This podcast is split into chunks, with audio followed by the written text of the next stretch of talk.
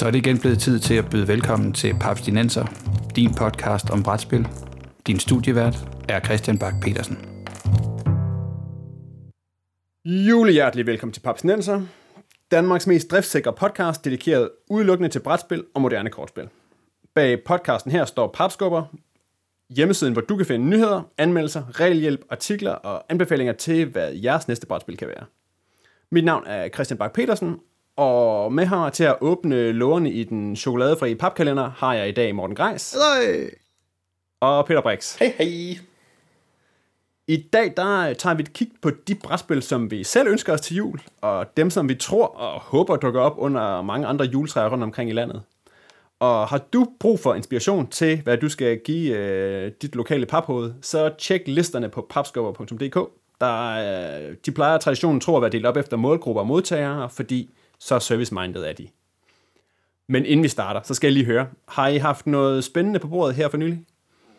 Jeg har for ikke særlig længe siden øh, igen, igen, igen haft øh, Not Alone på bordet. Mm. Not Alone er øh, et af de her spil, som jeg fik samlet op nede på Essen, og øh, som nu også er kommet i den, i den, den almindelige spilhandel. Øh, og, og handler af et kortspil, hvor man spiller en mod resten af dem, der kan være med.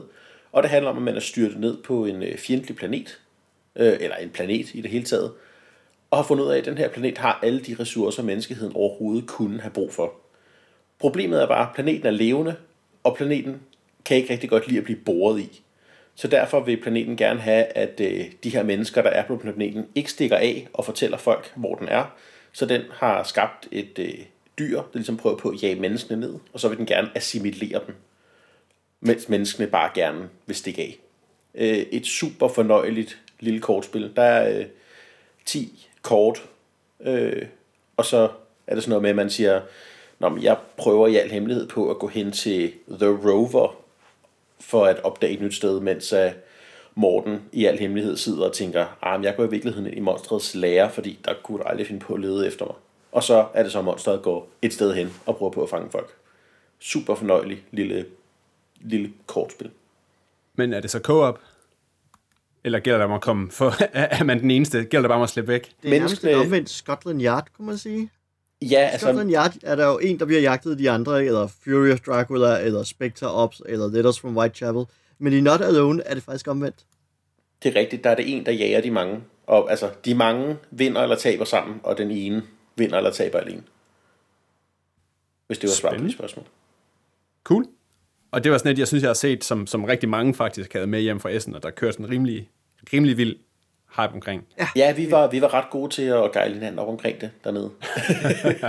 jeg tror også, det var en af de sådan overraskelser, der var, at, at, at man havde sådan, det ser da sjovt ud, og farverige tegninger på æsken og så videre, men, men var det noget, ikke? Altså, en af dem der, man åbner det, man ser til spillet og siger, wow, det var faktisk interessant.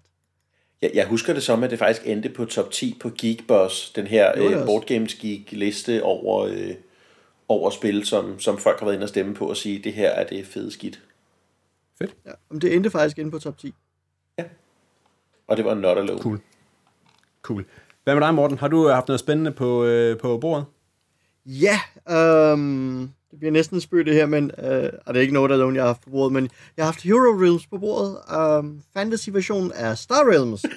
og, og er der jo noget, vi har op at vente et par gange, så, uh, så er det jo før nævnt Star Realms. Uh, men de har nu lavet en, en fantasy-version, hvor man så uh, igen uh, deconstructer sig til uh, modspillerens uh, undergang. Så, så kort fortalt, så har vi jo øh, en stor stabel af kort, ligger inde på bordet. Vi vender et par stykker af dem op, fem stykker hvor der så ligger forskellige kort, man kan rekruttere. Øh, det kan være helte eller champions, og det kan være actions. Øh. så det minder lidt om kortspil som Magic the Gathering og lignende.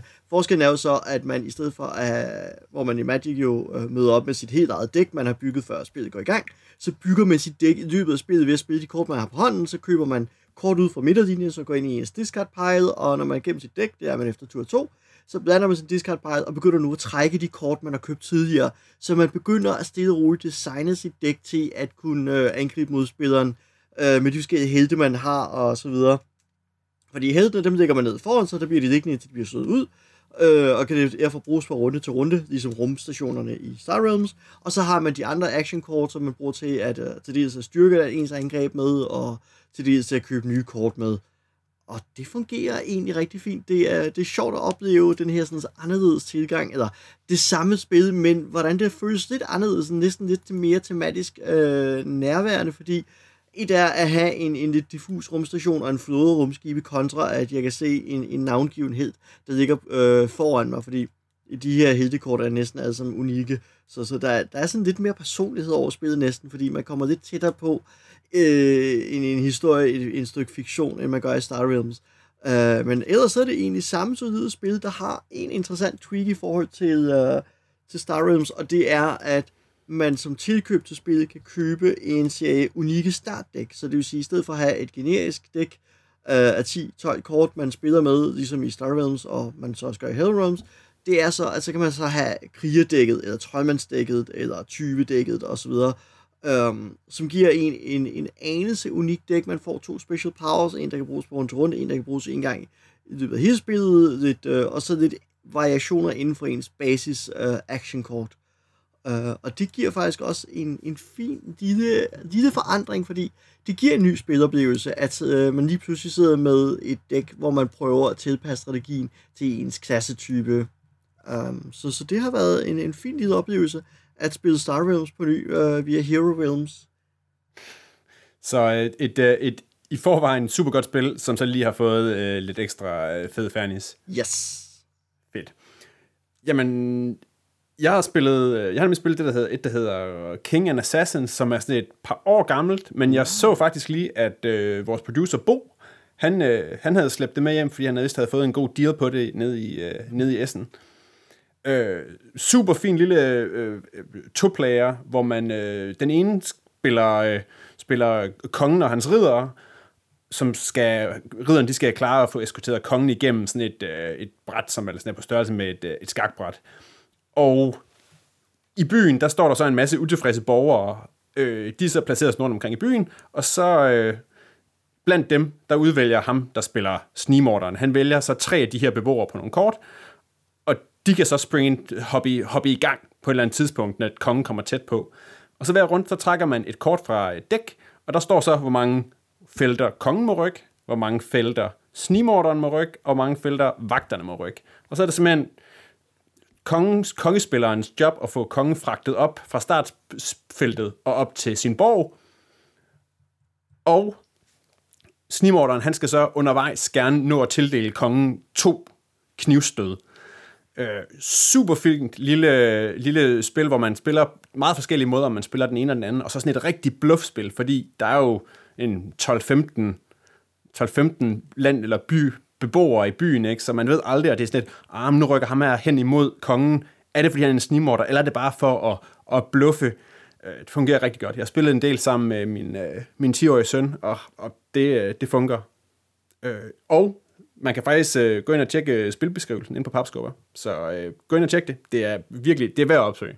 Også, øh, jeg ved faktisk ikke, om det sådan kan skaffes uden for Essen, men øh, det er til at finde, tror jeg. Ja, det er vist en af dem, øh, man skal ud og søge lidt, fordi Essen er næsten et af de bedste steder at opstøve det hen. Det er fra et, et lille bitte forud af, så, så det, det er svært, hvis det ikke hos den gennemsnitlige brætspilsforhandler, der har det okay. liggende, husker jeg ret. Okay. Det har, en gang imellem bliver det øh, i hvert fald solgt brugt inde på, øh, på diverse Facebook-grupper. Det er ikke så dyrt. Nej, heldigvis.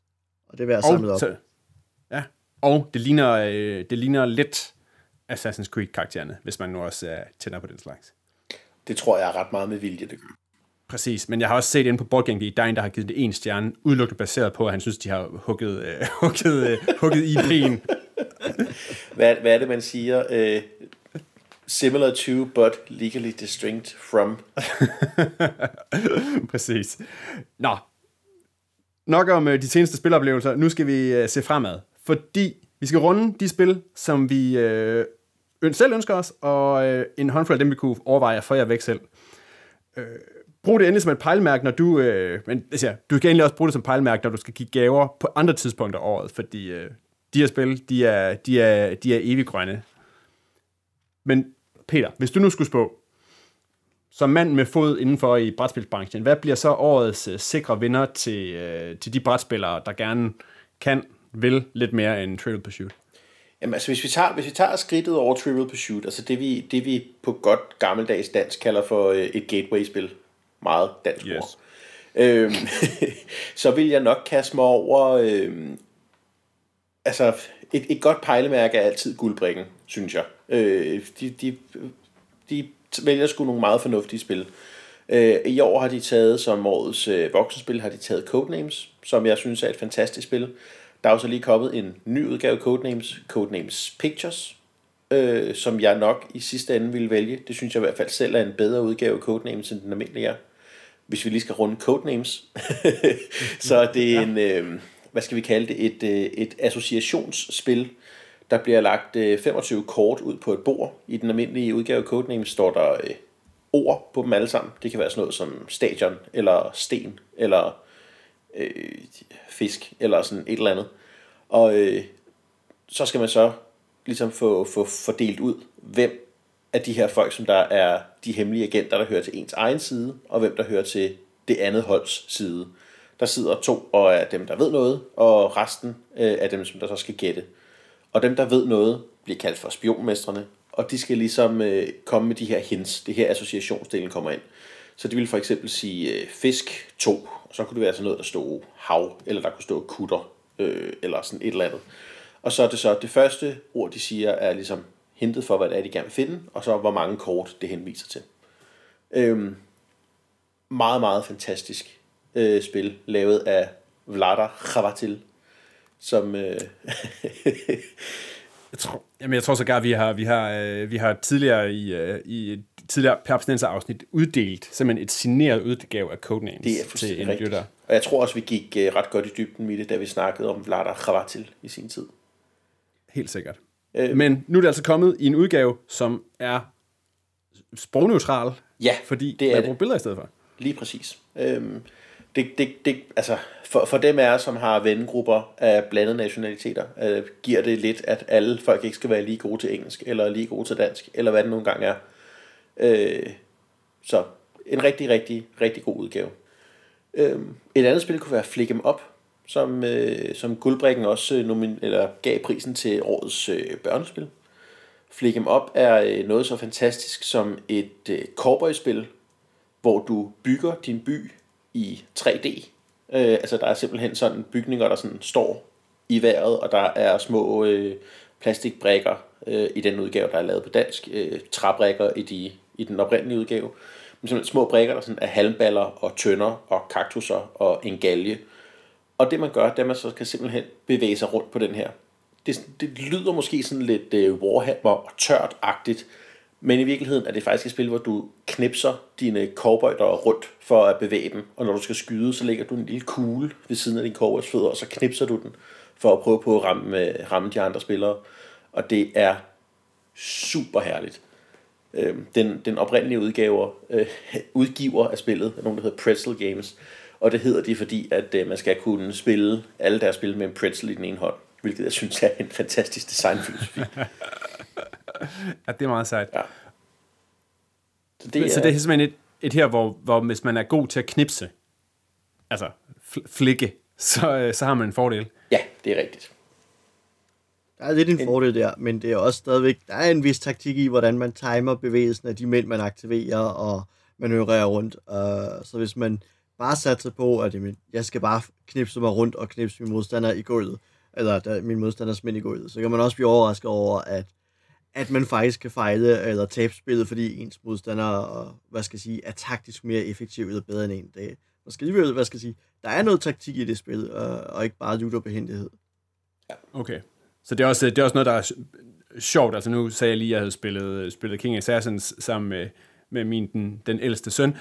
Det her, det lyder som noget årets børnespil. Det er noget, der fungerer sammen med, med yngre publikum også. Ja, altså jeg må indrømme, jeg, jeg synes, det er lidt synd, at den egentlig er blevet til årets børnespil. Jeg synes faktisk, at det er et familiespil, sådan kompleksitetsmæssigt. Jeg ved godt, at det ikke er den type, den gennemsnitlige familie tænker, at de vil sætte sig ned og spille mor, far og børn osv., men altså, hvad skal jeg sige, udfordringsmæssigt ser jeg det ikke som et, et børnespil, men langt mere som et, et familiespil, eller et, et, et hyggeligt spil for voksne. Ikke? Altså, det er et spil, øh, man har en pretzel i hånden, og når man først har en pretzel i en hånd, så er det også fordi, man drikker øl. Um, så, øh, så jeg synes faktisk, guldbrækken, altså, trods det gode arbejde, de laver, synes jeg, de har været lidt, øh, lidt uretmæssige over for Flick Em Up, øh, ved at give det en, en børnespilspris. Okay. Det kan vi så prøve at i hvert fald øh, rette op herfra og sige, man kan roligt kaste sig over det, også øh, hvis man er mere end 10 år. Absolut. Det kan man. Fedt. Men Morten, nu, øh, nu rykker vi så lidt over i kategori. Øh, hvis vi nu skal ned og finde nogle af de her nye danske titler, som er kommet, kan man så finde nogle inden, hvor man, som ikke er sådan boghandlerspil, men hvor man skal ud i sådan nogle specialbutikker for at finde dem? Er der nogle fede der? Ja, det synes jeg. Øh, der, der, er kommet, der er kommet nogle ting. Øh, umiddelbart, øh, og det er jo er jo et eller andet sted, at, at det er dansk designet spil, men det er jo øh, hovedsageligt udgivet på, på engelsk, kan man sige. Altså, jeg tænker på, ja. øh, jeg tænker på blandt andet sådan et, som, som ganske vist har dansk regler, nemlig Flamme Rouge, der er et øh, dansk designet cykelspil af Asger Sams øh, Granerud, og så er der jo øh, det andet, han lavede sammen med Daniel, øh, der er 13 Days, som også er absolut værd at kigge på, og ved siden af det er der jo London Dread og øh, Champions of Midgard. Uh, alle fire har vi jo med, med danske spil at gøre, men som helt klart er spillet til, med et internationalt islet og med nogle ret spændende internationale, øh, altså skriver så smukt ind i en international design-tradition. Øh, så der, er, der er nogle meget spændende spil, der er kommet der, som er dansk designet, men er øh, internationale udgivelser og generelt noget, man nok skal forvente at finde i primært specialvareforretninger. Ja, fordi jeg, jeg har kigget, jeg har så noget, en del hype omkring Flamme Rouge for et par måneder siden på Essen, og det blev, det blev kørt op til at være, altså, ja, som, også som et, et rigtig super godt gateway-spil. Ja, øh, Flamme Rouge er på det område heldigvis ikke for kompliceret, så, så det, det er et, et rigtigt... Uh, okay, skal vi lige hurtigt opsummere. Flamme Rouge er et sportsspil. uh, så det er simpelthen at komme i mål først, så at sige. Som andre racing games er det sådan meget kort fortalt. Uh, og det gør man selvfølgelig uh, med sin cyklist, og uh, her der har man så kort, man bruger til at komme afsted med, men det, der er en hel del taktik omkring det. Uh, det er ikke uh, lutter held, som hvis man kører... Uh, eller, en del andre racing games har et noget større element af held i hvert fald. Uh, Formula D for eksempel, uh, som er et ja. uh, Formel 1 uh, brætspil. Så, så i Flamme Rouge gælder det om at tage højde for, at man kan, en cykelrytter kan blive udmattet osv., så, så man skal manage de kort, man har uh, til at komme sikkert afsted med at udnytte, hvad skal jeg sige, regler for slipstrøm og lignende. Så man kan godt ligge sig øh, langt ude i fronten i starten af spillet, men man risikerer egentlig også bare at køre sin cykelrytter træt. Men hvis man placerer sig taktisk i feltet, jamen, så kan man køre med på de andre slipstrøm, og så håbe på, at man kan bryde igennem på de rigtige tidspunkter. Øh, og det, hvad skal jeg sige, det er jo noget af det, som, øh, som gør Flamme Rouge spændende, og egentlig også et, et interessant forsøg på at simulere øh, cykel, øh, cykelløb og hvordan de fungerer. Ja, fordi man kan sige, sports, lige præcis sportsspil, det er jo sådan lidt en, en underudviklet genre i ret høj grad, mindre der kommer noget, noget fantasy eller biler indover. Ja. For, for nu at være ærlig, Flam Rouge er et genialt spil.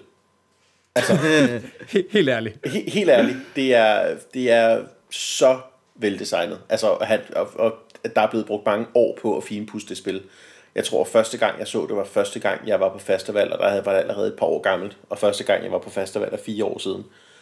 Øhm, mm. så, så, så den gode, den gode Asger har, har lagt mange kræfter i at lave et, et velpoleret spil. Absolut. Øhm, det er, ja. det er skide godt. Ja. Og det er jo også det et eller andet sted, hvis man, når man kigger lidt rundt på nettet, man kan jo se, uh, det får jo faktisk den ene rigtig gode anmeldelse efter den anden. Uh, det er ikke bare os, der sidder her uh, og snakker spillet op. Men hvis man faktisk kigger rundt på BGG og andre steder, der er anmeldt, hvor der bliver anmeldt spil, det får faktisk rigtig gode anmeldelser. Uh, der er lavet noget ret tydeligt her, som absolut er værd at kigge på.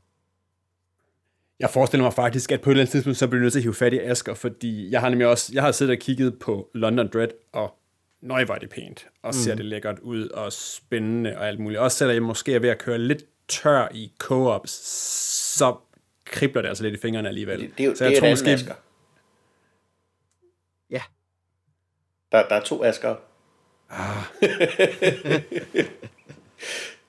Oh well. Nå, jeg, jeg, jeg, jeg lover, at vi laver et spot på minimum en Asker i en senere episode. Yes. Men hvilken ja. Asker skal det være? Skal vi få dem til at battle om det eller sådan noget? Det kunne godt Battle være of the Askers. Double up on Asker. Wow. Okay. Nå, men Christian, du har garanteret også øh, noget, du gerne vil, vil, vil prøve at snakke med os om omkring julegaver. Ja, jamen jeg har også lidt et, et, et, et, et hype omkring sådan øh, fine, fine designernavne, ikke? Når Bruno Faiduti og Eric, Eric Lang, de går sammen, gætter man så ikke på, at det bliver lidt godt.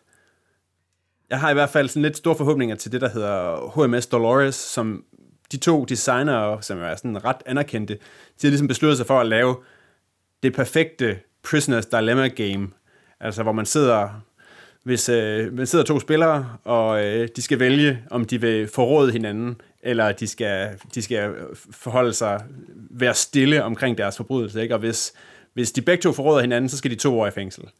Og hvis den spiller A, han er stille, men spiller B, øh, ej, hvis spiller, ja, hvis spiller B, så forråder spiller A, så, skal, så går B fri, og A, han skal tre år i fængsel. Men hvis de begge to er stille, så nøjes de med at skulle et år i fængsel. Så der er hele den her sindssyge bluff-ting. Og hvis jeg nu gør det, og hvis det nu, og hvis jeg blinker på den her måde, og så har de klemt det ned i et, øh, et pirat-tema, og siger, at det formodentlig kan spilles på indtil 20 minutter. Det synes jeg, det lyder, øh, det lyder som noget, jeg vil tage på. Ja. Og som forhåbentlig også øh, er til at få fat i. Og den, den, er, den er heldigvis, den står allerede rundt omkring øh, i, i, på nuværende tidspunkt rundt omkring, så den er heldigvis til at opstøve, og den ser meget niftig ud, og den er jo heldigvis også, øh, hvad skal man sige, rejsevenlig af størrelse, den er jo lige til at gå til. Og, og så er det jo tilbage til, øh, hvad skal jeg sige, vores snak om øh, Eurodesigns og fransk spiltradition, og, og det sige, for vi er jo tilbage i, i Citadels og Masquerade og HMS Through the Waters, uh, hele den her sådan second guessing bluffing ting, som, uh, som vi ser meget ud af, af Frankrig, og, og de spil, der kommer fra Frankrig af. Ja, lige præcis. Og, som, og det, det kan for øvrigt, nu fik jeg det til at lyde som, at det var, det var to spillere. Det kan spilles op til fire spillere, og ja, en spilletid på under en halv time. Så jeg tror, det er, jeg tror, det er værd at tjekke ud, og kan også spilles af forholdsvis unge. Men derudover, hvis I nu selv skulle ønske jer noget, og her så skal det ikke død og pine være nyt, fordi øh, jeg ved, I begge to har, øh, har fingeren på pulsen med, hvad de nye ting, der sker. Hvis det nu skulle være noget fint og firkantet under juletræet, viklet ind i papir, hvad skulle det så være i den perfekte gave? Morten, hvad, vil, hvad er din drømmegave inden for pap? Uh, min drømmegave i det her tilfælde øh, er ganske vist pap, men det kommer i træ. Eller pakket ind i træ. Jeg har jo stadigvæk et, et, en, en, en drøm om at komme til at have Mega Civilization stående. Jeg ved ikke, om jeg kommer til at spille det, fordi det er de her sådan 5-18 spillere, 6-12 timer, og det fylder. Men jeg er stadigvæk... jeg er stadigvæk forelsket i, i Avalon Hills gamle Advanced Civilization, og er rigtig glad for, at det er blevet båret videre i en ny, fed, flot udgave i form af Mega Civilization. Så, så der, der, lige der, der tror jeg nok, at vi har med min drømmegave at gøre. Man kan lige så godt... øh, Nu, stil stort. Jeg synes, det var et, øh, et virkelig godt bud. Peter, hvad med dig? En, en firkantet papæske under juletræet. Og nu, nu, har Morten lige, nu har Morten lige eskaleret det. Det må godt være Det er selvfølgelig rigtigt. Altså min, min, min første tanke er, at jeg ønsker mig, uh, Nintendo har genudgivet deres første NES-konsol i sådan en mini-format. Det var, det, var ikke det, det var ikke det, du ledte efter. Jeg, jeg ved det godt, og der er rigtig mange af de der klassiske spil gemt i den, men helt ærligt, gider du sidde og spille Duck Hunt en gang til? Ej, Dog Hunt gider jeg ikke sidde og spille, men, øh, men, men den første Super Mario-trilogi, ja tak. Okay.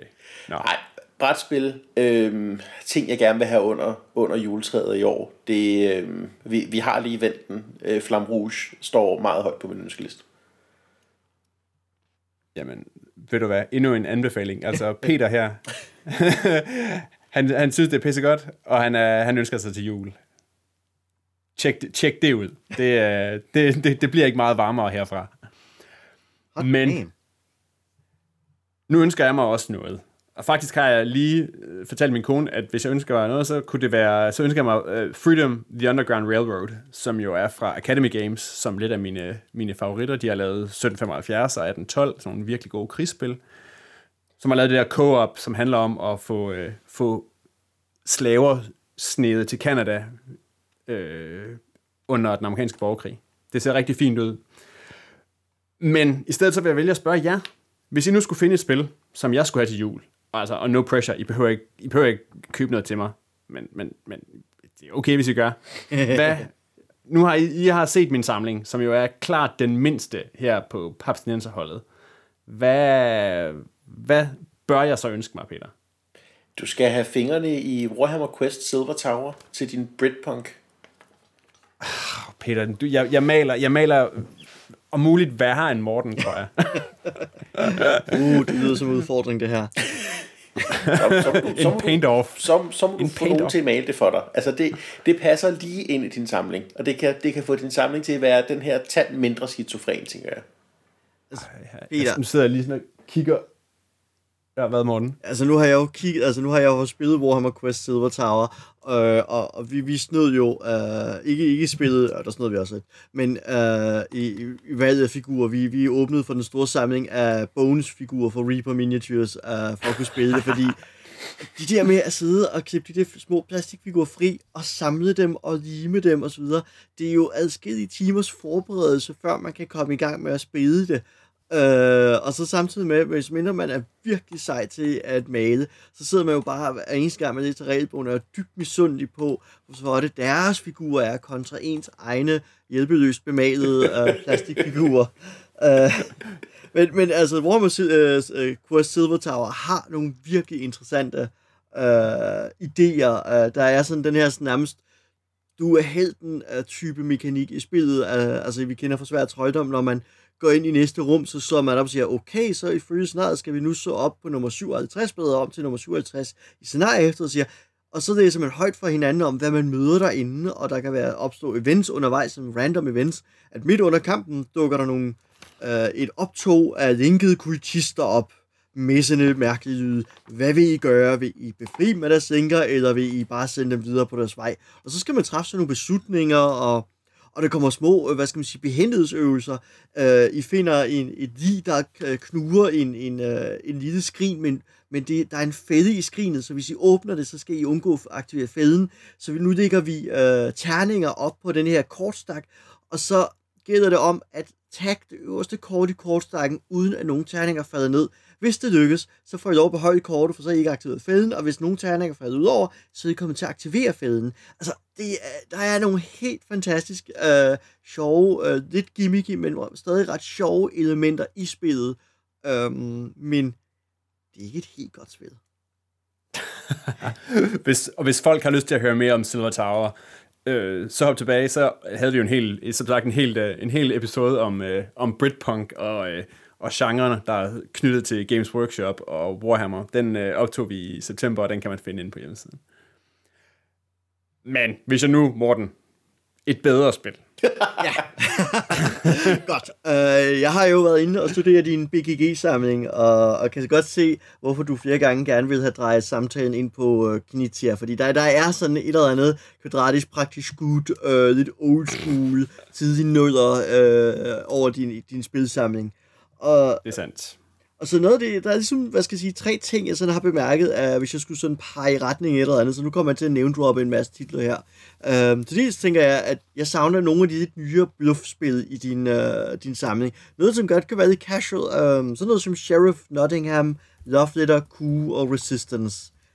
Um, spil, hvor man rollespiller lidt, hvor man bluffer lidt, det må gerne gå lidt stærkt osv. Ikke? Sheriff Nottingham er jo helt forunderlig i, i sit spil omkring, hvordan man sidder og bestikker hinanden og kontrabestikker og prøver at narre hinanden undervejs, når man sidder og skal smule varer forbi uh, den spiller, der har rollen som sheriff. Um, så, så jeg savner lidt dem. Jamen, det, ved du hvad, altså, men mit problem med Sheriff of Nottingham, det er, at jeg har jo spillet det med jer, og Ja. der vandt jeg. Så jeg, hvis, jeg, hvis jeg nu får fat i det selv, så ender jeg jo med at tabe det igen. Lige nu så er- har jeg en, en 100% track record, når det kommer til Sheriff of Nottingham. Ah, det er rigtigt, ja. Så, så, Altså, du, så du, tager kan, du du, op lidt kan, du kan ikke for. købe spil på baggrund af, hvorvidt du kunne nogensinde kommer til at tabe den hjem. Det er ikke holdbart. Jeg synes, det var sjovt. Jeg synes helt sikkert, det var sjovt at spille Sheriff of Nottingham. Og jeg har siddet og holdt øje med det. Så det er et virkelig godt forslag. så savner jeg, uh, fordi vi kommer til min kategori nummer to her. Um, jeg savnede lidt, øh, nu snakker jeg jo knitier og så videre. Jeg synes, du har nogle, nogle spændende krigsspil, men det er også sådan lidt, de er lidt tunge, lidt træge. Jeg tænker, vi skal have nogle af de hurtige. Jeg tænker Kemet, jeg tænker Saxadis, jeg tænker Inis. Uh, som de her sådan lidt hurtige, nu myldrer hærene ud. Vi, vi har lidt fancy, moderne spilmekanikker, så det faktisk er velfungerende. Uh, mange plastikfigurer på et brætspil uh, på underholdende manerer. Men sådan er hurtigere øh, end, end det, du lige har stundet. Så, altså, vi har jo Kemet, som jeg synes er et rigtig fint et, hvor vi er sådan i et mytologisk øh, oldtidens øh, Ægypten, hvor man strømmer, lader sin hære strømme ud fra, fra sin, hver sin by, øh, og man kan teleporte dem ud på slagmarken, fordi at i, i Kemet gælder det om, at ting skal gå stærkt. Ikke noget med at, at fedt spille sine små træk, manøvrere rundt og sådan noget ting. Nej, det gælder om at komme ud hurtigt, og så bruger man ikke terninger, man matcher simpelthen sine herrestyrker op, spiller strategikort hver især fra sin hånd, angående hvor meget man vil lægge i sit angreb, i sit forsvar, i sin skade, øh, så man kan køre med nogle meget destruktive kampe og sige, okay, det er ikke vigtigt for mig, at jeg vinder eller taber, jeg skal bare smadre den anden spillers her, eller hvad man nu vil. Og så undervejs, så køber man måske teknologier, så, så alle spillers herrer starter egentlig identisk, og så specialiserer de stadig mere og mere øh, i løbet af spillet, så man får hver sine, så at sige, unikke øh, små samfund og hære til at bekæmpe hinanden med. Det synes jeg. Ja, Ja. det lyder spændende. Fedt. Og så tænker jeg, øh, nogle af de skæve øh, titler, og der har jeg øh, tænkt på sådan noget som øh, to, jeg selv lige har samlet op i Essen øh, her. Det er When I Dream og A Fake Artist Goes to New York. Uh, det lyder spændende. Prøv lige at sælge mig på det sidste. Det lyder... Øh... Okay, Fake Artist Goes to New York øh, leger lidt på den der sådan, øh, selskabsleg, hvor man, jeg tegner en streg på et papir, sender papiret videre til sidemanden, der tegner videre. På den måde tegner vi altså en lille del af en, en større tegning. I denne her version her, der er alle på nær en spiller ved, hvad det er, vi tegner på. Men vi ved ikke, hvem det er, der ikke ved det. Og så er det, at vi skal som sagt, hvis alle har fået et, et, et, et sæde, hvor der står hund på, prøver alle på nær en spiller at tegne en hund. Til sidst prøver bare at lade som om, altså nærmest lidt af Spyfall, at falde ind i mængden, uden at blive afsløret. Og når så man er færdig med at få tegnet osv., så, videre, så er det, at spillerne skal prøve at stemme og regne ud, hvem i blandt os var det egentlig, der, der var fuskeren her. Spændende. Yep. Og det lyder også noget, man godt kan spille nemt og hurtigt. Ja, absolut. Det er, det er nemlig nemt og hurtigt, ja. Fedt. Nå, men øh, så fik øh, Morten lige øh, dissekeret min øh, brætspilsamlingsmangler. Det var jo også øh, en hyggelig måde at øh, skyde december i gang med. Jamen, du er det glade jul. Ja, men og med det, så må vi hellere sige, at så er vi nået til slutningen af den her granddøftende episode af Papsnenser. Vi har rundet en masse spil. Vi har rundet øh, Silver Tower, Sheriff of Nottingham, Kemet, A Fake Artist Goes to New York. Øh, hvad har vi ellers nævnt? Vi har nævnt Flamme Rouge. absolut. Varm Rouge. anbefaling. Yep. Hero Realms. Assassins, Hero Realms, Codename Pictures, Flick 'em Up. Alt sammen spil, som øh, I roligt kan gå ud og købe selv, eller give til nogen, I holder af. Fik vi nævnt Not Alone? Øh, nej, Aha. også, også de... Præcis. Så øh, fyr gerne øh, Not Alone, eller nogle af de her brætspil under juletræet. Og find links til dem alle sammen inde på www.papskov.dk-podcast, hvor I også kan finde links til tidligere episoder. Hvis du nu får noget fedt til jul, eller glæder nogle andre med noget sejt pap, så send os endelig historien på øh, papsnenser, Det kan være, at vi følger op i det nye år. Det var alt for denne gang, og sammen med mig i Papsnenser Snehulen sad Peter Brix og Morten Greis. Papsnenser er produceret af Bo Jørgensen og Christian Beckmann. Jeg hedder Christian Bak petersen og på vegne af Papsnenser ønsker jeg alle sammen god juleshopping.